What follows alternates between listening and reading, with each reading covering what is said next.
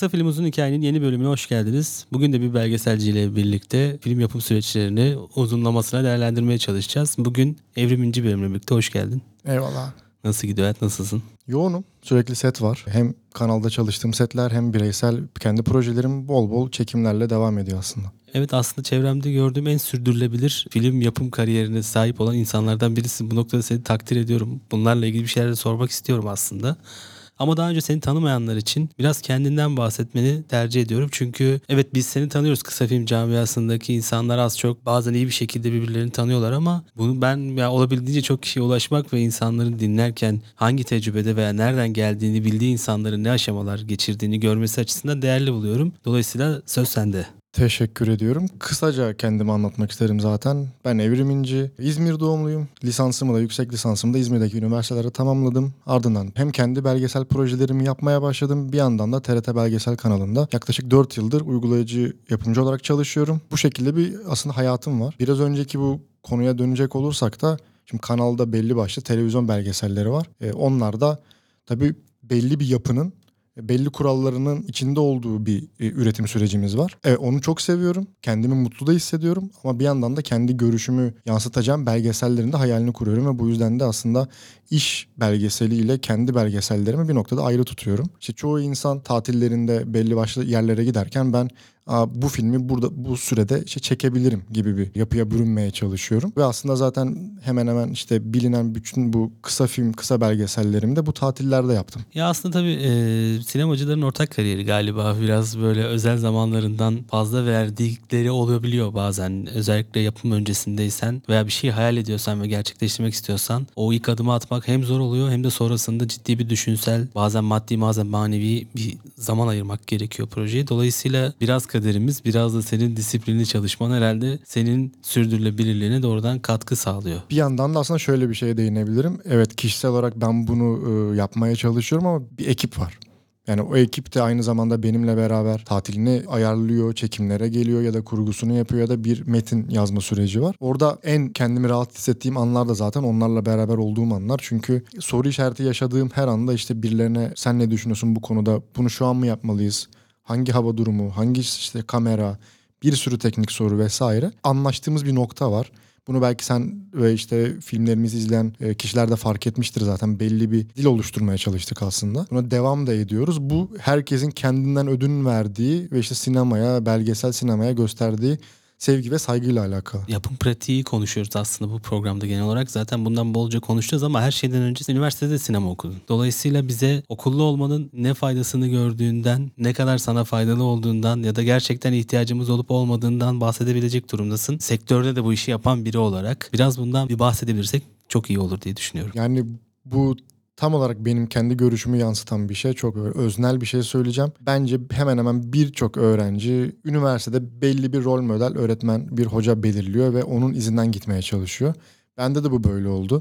Ben lisanstayken e, işte kurgu dersimize birisi geldi ve ben o kişiyle iyi anlaşabildiğimi, aynı e, düşünce noktasında olduğumu, onun yaptığı işleri beğendiğimi fark ettim ve bir işte yaklaşık e, 9 yıl, 10 yıl boyunca o kişiyle hep iletişimde kalmaya devam ettim. Ta İsmini ki, de söyleyelim, teşekkür ederim kendisine istersen. Ta, tabii ki. Ta ki işte TRT'ye de girene kadar o aslında TRT çalışanı ama bir yandan da üniversitede ders veren bir hocaydı. Nurullah Dinçer kendisi. Kendisini bir mentor olarak da görüyorum ve şu an ortak belgeselimizi yapıyoruz. Yani ortak yönetmenlik yaptığımız yaptığımız belgeseli benim belki de böyle üniversite hayallerimden biridir. E, mentorumla beraber aynı seviyede bir iş yapabiliyor olmak. E, bu noktada tekrar temele dönecek olursak yani her öğrenci belli bir yapıyı, belli bir görüşü, belli bir e, noktayı sevebiliyor ve o hocaların izinden gidiyor. Burada işte hocaların kimi senaryo, kimi teknikte iyi olabiliyorlar. Öğrencinin de aslında yapması gereken şey zaten burada o değil mi? Hani böyle nerede uzmanlaşmak istediğini belirleyip o kişiyle ya da o kişilerle beraber çalışmaya devam etmek. Ben de böyle oldu. Çevremdeki bütün gözlemlerimde de böyle olduğu için e, böyle olduğunu düşünüyorum. Bazı üniversitelerin diğer üniversitelerde artıları eksileri vardır ama bu iş çok kişisel ve işte öğrenciye bağlı ya da kişiye bağlı, hocalara bağlı bir şey. Bu noktada kim ne yapmak istiyorsa ve o kişi işte bir mentorunu, bir hedefini belki de bu illa bir hoca olmasına gerek yok. Bir hocanın önerdiği bir film, bir film yönetmeni de olabiliyor. Onun izinden gidiyorsun aslında.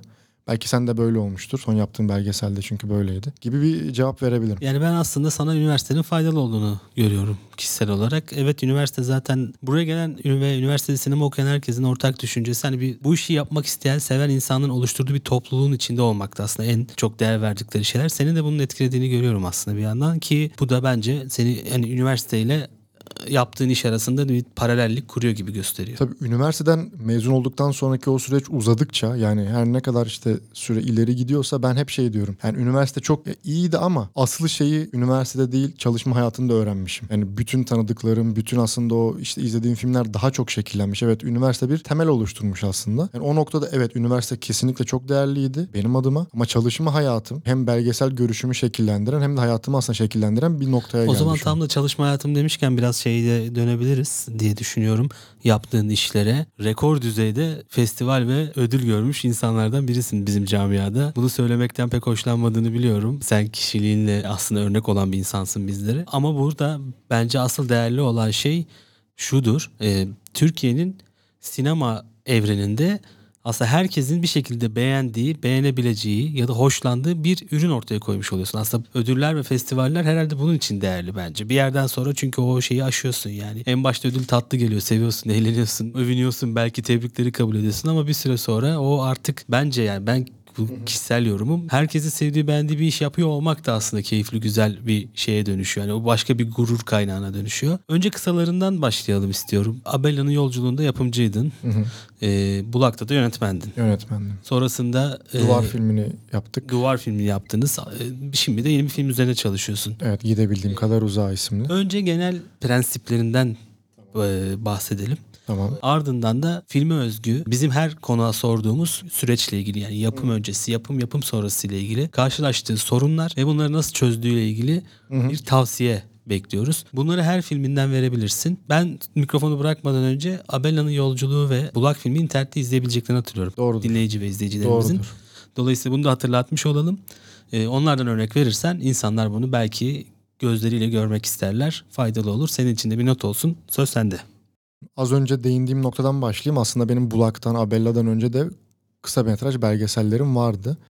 Ama orada kendimi bulmaya çalıştığım bir noktadaydım aslında. Daha sonra yine ekip konusuna döneceğim. Ekiple beraber biz kaynaşmaya başladığımız an e, ortak bir dil oluşturabileceğimizi fark ettik. O zaman döneminde işte 2020'nin Temmuz'u sanırım. Amerika'da George Floyd olayları oldu. Tam o konuyla ilgili bir festival vardı. Bizim katılmayı planladığımız. İşte böyle bir 15 gün içinde aslında çok hızlı bir ekip çalışması, senaryo, işte bir yandan mekanlar, oyuncular çok hızlı gelişen ama çok da tatlı gelişen bir durumumuz oldu. Aslında meselemiz şu. Biz 1980'i de anlatsak, işte 2020'yi de anlatsak sanki bugünmüş gibi anlatmaya çalışıyoruz finalde gerçekleri bir şekilde tarihsel gerçekleri söylüyoruz ya da en başta belki veriyoruz. Bu noktada şöyle bir şey var. Aslında Türkiye'de çok da uygulanan bir belgesel yapısı değil bizimki. Belki de kurmaca belgesel diyebileceğimiz noktadayız biz. Biraz aslında o şeyden de bahsedelim. Yani sizin yapmaya çalıştığınız şey evet kurmaca belgesel bir yanda yani bizim bildiğimiz daha doğrusu gözlerimizin aşina olduğu belgesellerden farklı olarak aslında biraz daha böyle süreci masada kurguladığınız ve hatları alana şans vermekten öte bir sanatsal ürünü ortaya koymak üzere tasarlanmış ve kenarları keskin bir türden bahsediyoruz herhalde değil mi? Öyle diyebiliriz. Aslında şöyle yani biz geleneksel belgesel anlayışına ya da klasik belgesel anlayışına karşı değiliz. Biz bunlarla büyüdük. Bunları bir tık daha öteye nasıl götürebiliriz? Türkiye işte sineması e, nasıl başka bir yapıya bürünür? İşte belgeselde biz ne farklı katabiliriz noktasındaydık. Burada şöyle bir şey var. Şimdi Abella filminde de Bulak filminde de anlattığımız hikayeler 5 farklı hikaye varsa birbiriyle bağımsız hepsi farklı zamanlarda farklı kişilerin yaşadığı hikayeler. Biz o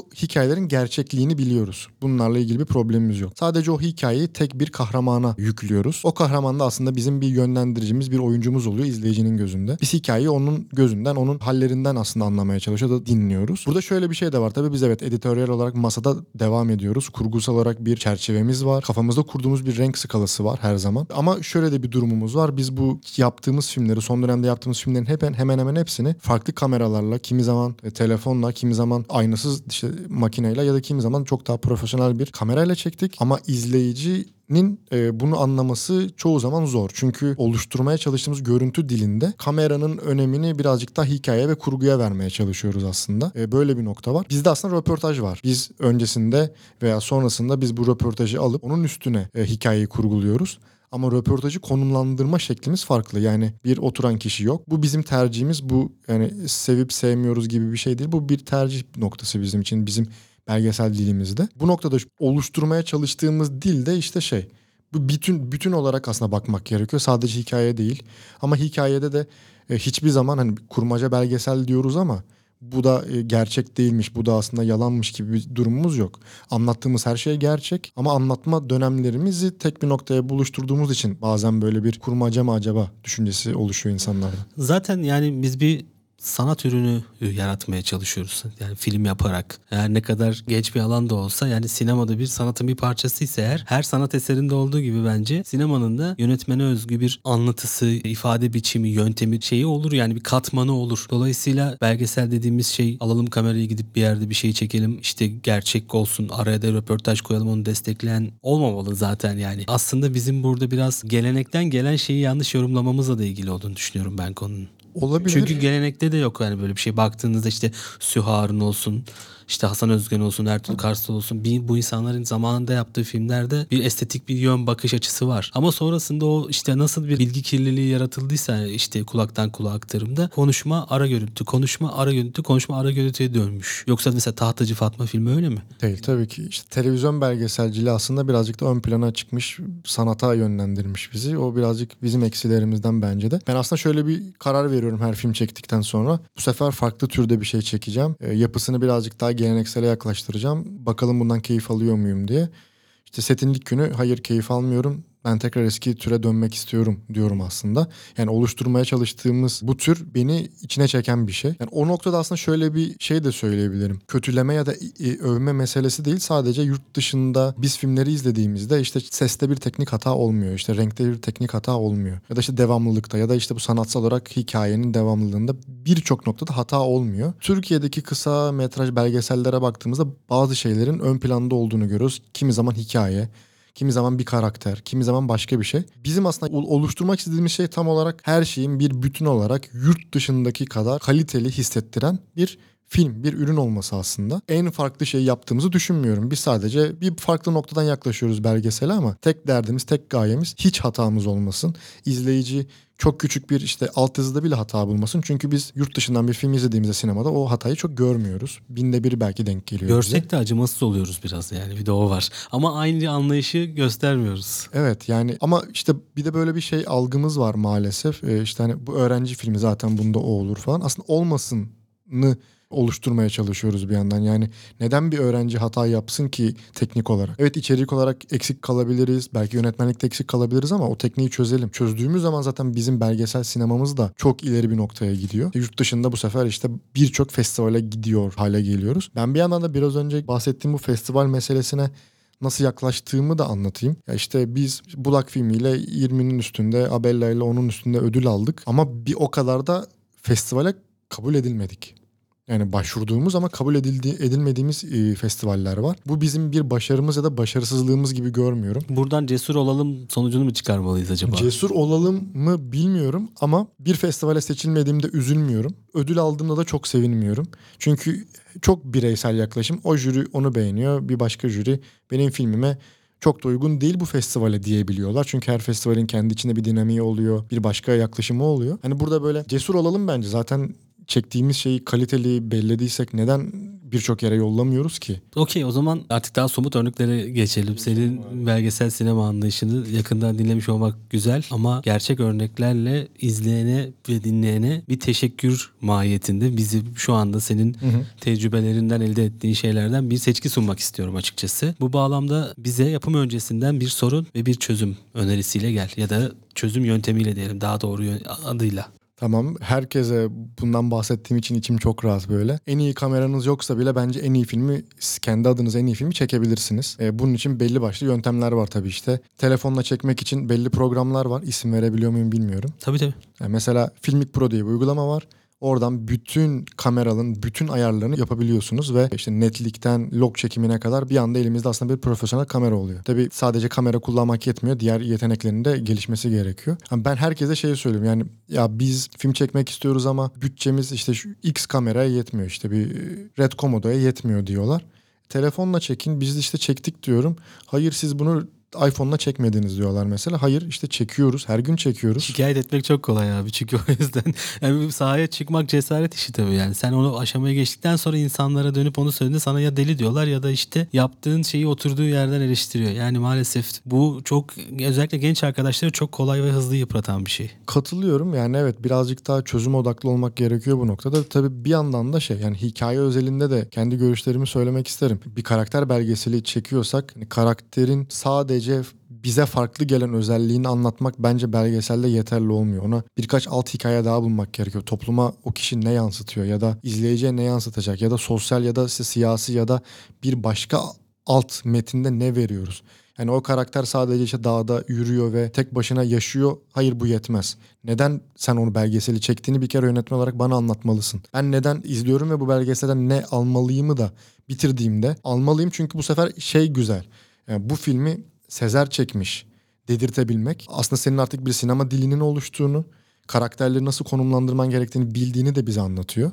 Böyle bir yapıyı oluşturmak yani hikayede çok önemli. Bu bağlamda yapım öncesi sorunun ne senin? Benim sorunum şöyle ekiple sürekli tartıştığımız tek şey aslında yani hikayeyi bitirebilmek. Biz yaklaşık işte atıyorum 45 günlük bir setimiz varsa bir 45 günümüzde senaryomuz var. Biz sadece karakterlere misyon yüklemek ama bunları doğru şekilde işte herkesin anlayabileceği şekilde e, yüklemeye çalışıyoruz. Tabii bazen şöyle bir metaforik anlamlar yüklüyoruz ve bunları e, herkesin değil çok daha niş kitlelerin anlamasını bekliyoruz ama genel olarak yaptığımız şeyin aslında belgesel sinemada olduğu için iyi kötü bir faydamız olsun, bir farkındalık yaratalım, bir meseleyi anlatıyoruz e, amacı da taşıyoruz. O yüzden benim bizim sorunumuz genelde hikaye bazlı oluyor. Yani biz tekniği birazcık daha çözdüğümüzü düşünüyoruz. O yüzden hani benim bir karakterim var ve ben onunla anlaştım demek yerine karaktere belki de dışa hiç yansıtamadığı şeyleri de söyletebilmek.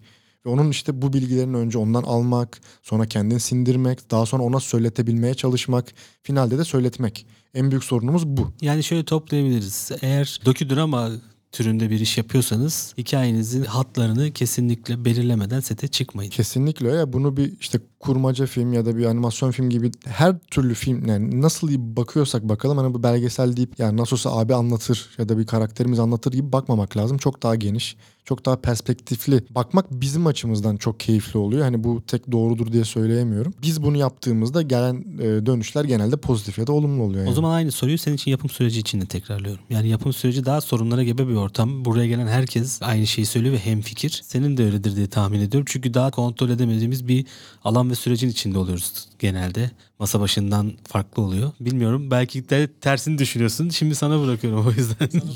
yani yapım mesela Bulak, Abella, Duvar şu an çektiğimiz belgesel özelinde en azından konuşursam biz yapım sürecinde çok problem yaşamadık. Biz zaten bu sete artık çıkıyoruz dediğimiz andan itibaren bizim işte kullanacağımız kamera, işte kameranın işte SD kartını taşıyacak ekip üyemiz belli olduğu için aslında yani herkesin bir görev e, tanımı belli. Kişilerden ne beklediğimiz belli, karakterlerden ne beklediğimiz belli. Bunların provalarını küçük küçük almışız zaten. Maddiyat da artık aşılmış oluyor yani. Yoksa zaten ona göre bir kamera bulmuş oluyoruz. Varsa daha iyisini bulmuş oluyoruz. Yani yapım sürecinde bizi en çok etkileyen şeyler daha çok doğal olaylar. Yani güneşin istediğimiz kadar kızılı batmaması gibi ya da işte soğuğun yeteri kadar soğuk olmaması gibi. Kısa film sektörünün en niş problemini yaşıyorsunuz yapım sektöründe. Sizi tebrik ediyor ve alkışlıyorum. Yani Allah başka dert vermesin gerçekten.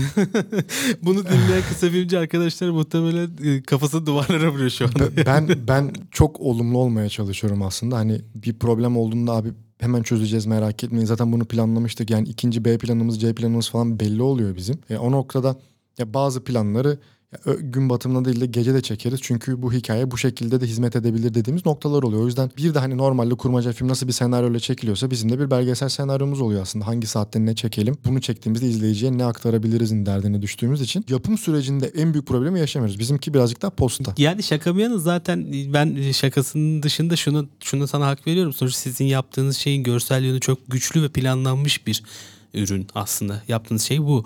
Dolayısıyla sizin için ciddi bir problem olabilir gerçekten. Güneşin istediğiniz kadar kızıl batması. Şey konuşuyoruz ekipte. İşte filmin bir saniyesini durduracağız ve o kare aslında duvara asılacak kadar güzel bir kare olacak. Tek derdimiz bu olsun. Görüntüde tabii ki yani içerikte değil. İşte görüntü yönetmenlerimiz ona göre bir plan hazırlıyorlar, yapıyorlar kendilerince. Bu bizi aslında motive eden şey çünkü yani reklam estetiğinde her şeyin çok e, tatlı tabii anlama ve içeriğe göre değişiyor ama çekildiği bir e, belgesel bizim için e, başarılı oluyor. O zaman yapım sonrasıyla ilgili de sorunların katmanlı olabilir. Belki de şimdi burada bir görsel bir seviye hedefi var sonuçta ekip olarak sizde.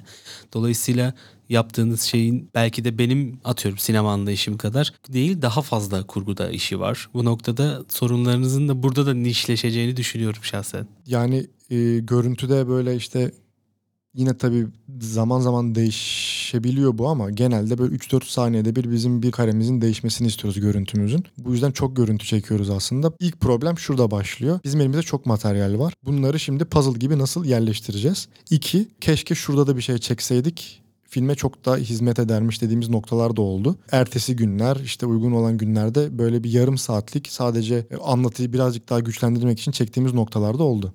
Peki nasıl üstesinden geldiniz? O çekemeyeceğiniz yani geri dönemeyeceğiniz bir şeyse ne yapıyorsunuz?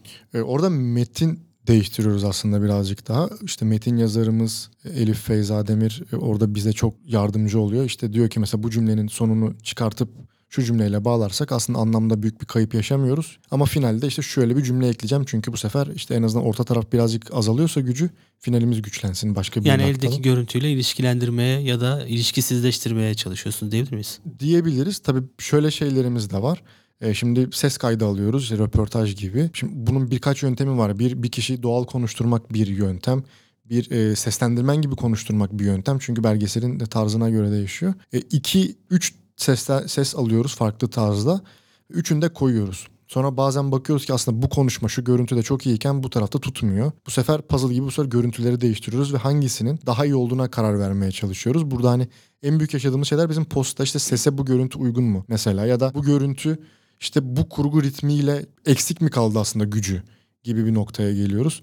Bazen hızlı görüntüler kullanıyoruz böyle saniyede işte 4-5 frame'den oluşan işte 6 tane görüntünün iç içe bindiği e, şeyler bir metaforik anlamlar aslında üretmeye çalışıyoruz. Orada da belki de en sevmediğimiz, en kullanmayı istediğimiz görüntüleri oralarda böyle kullanıp hem anlamı güçlendirmek hem de boşuna çekmemiş olmak gibi bir plana gidiyoruz aslında. Yani burada ağırladığım en sistemli kısa filmcilerden birisin gerçekten. Bu bence kişisel olarak yani bir yönetmen için de zor ama o sisteme oturttuğunda bir o kadar da tatmin edici bir ortam yaratıyordur diye tahmin ediyorum. Bir hayli uzun konuşmuşuz aslında bakarsan. Programın sonunda tabii genel olarak şunu istiyorum gelen arkadaşlarımdan. Film yapmak isteyen bir insana yani kısa film yapmak için yola çıkan bir insana basit tavsiyeler vermeni istiyorum. Yani ne tavsiyelerde bulunursun? yönetmene mi veriyoruz biz bunu? Ortaya at abi. Tam ortaya atayım Yani, şöyle. yani sonuçta birisi ona heybesiyle koyar diye düşünüyorum. Tamam. Biz ekipçe şunu yapıyoruz. Bizim yöntemimiz bizce güzel diye söylüyorum. Biz bolca fotoğraf çekiyoruz. Bolca ses kaydı alıyoruz. Bolca kurgu yapıyoruz. Bunların çoğunu siliyoruz sonrasında. Çünkü bu istediğimiz gibi olmadı diyoruz ama o efektin nasıl yapılacağını, o seslendirmeyi nasıl alacağını biliyoruz. Bence en önemli noktalardan biri bu. Sürekli bir şey yapmak. Hayatın her alanında olduğu gibi aslında. Devamlı kendini geliştirmek aslında değil mi? Evet. İkinci olarak da böyle bir "Ya acaba ben yapamıyor muyum diye düşünen birisi varsa e, bence bana yazsın. Ben hemen onu motive ederim. Sen yapmalısın, sen yapabilirsin Öyle bir diyebilirim. girdik konuşmaya yani. Böyle biri varsa gelsin dövelim diyecek misin Yok. gibi oldu biraz. Yani ben herkesin film yapabileceğini düşünüyorum ama işte belli bir seviyeye gelmek için de çok çalışmak gerekiyor. Hani onu yaparlarsa ve hala bir hayallerinde böyle acaba yapamaz mıyım düşüncesi varsa ben o motivasyonu elimden geldiğince sağlıyorum. O zaman Evrim İnce sana teşekkür ediyoruz buraya katıldığın için ve kısa film evrenimize böyle sistemli filmler bıraktığın için alkışlıyoruz. Teşekkür ederim. Kısa film uzun hikayenin bu bölümü Evrim İnci ile birlikte bitti. Bir sonraki bölümlerde görüşmek üzere hoşçakalın.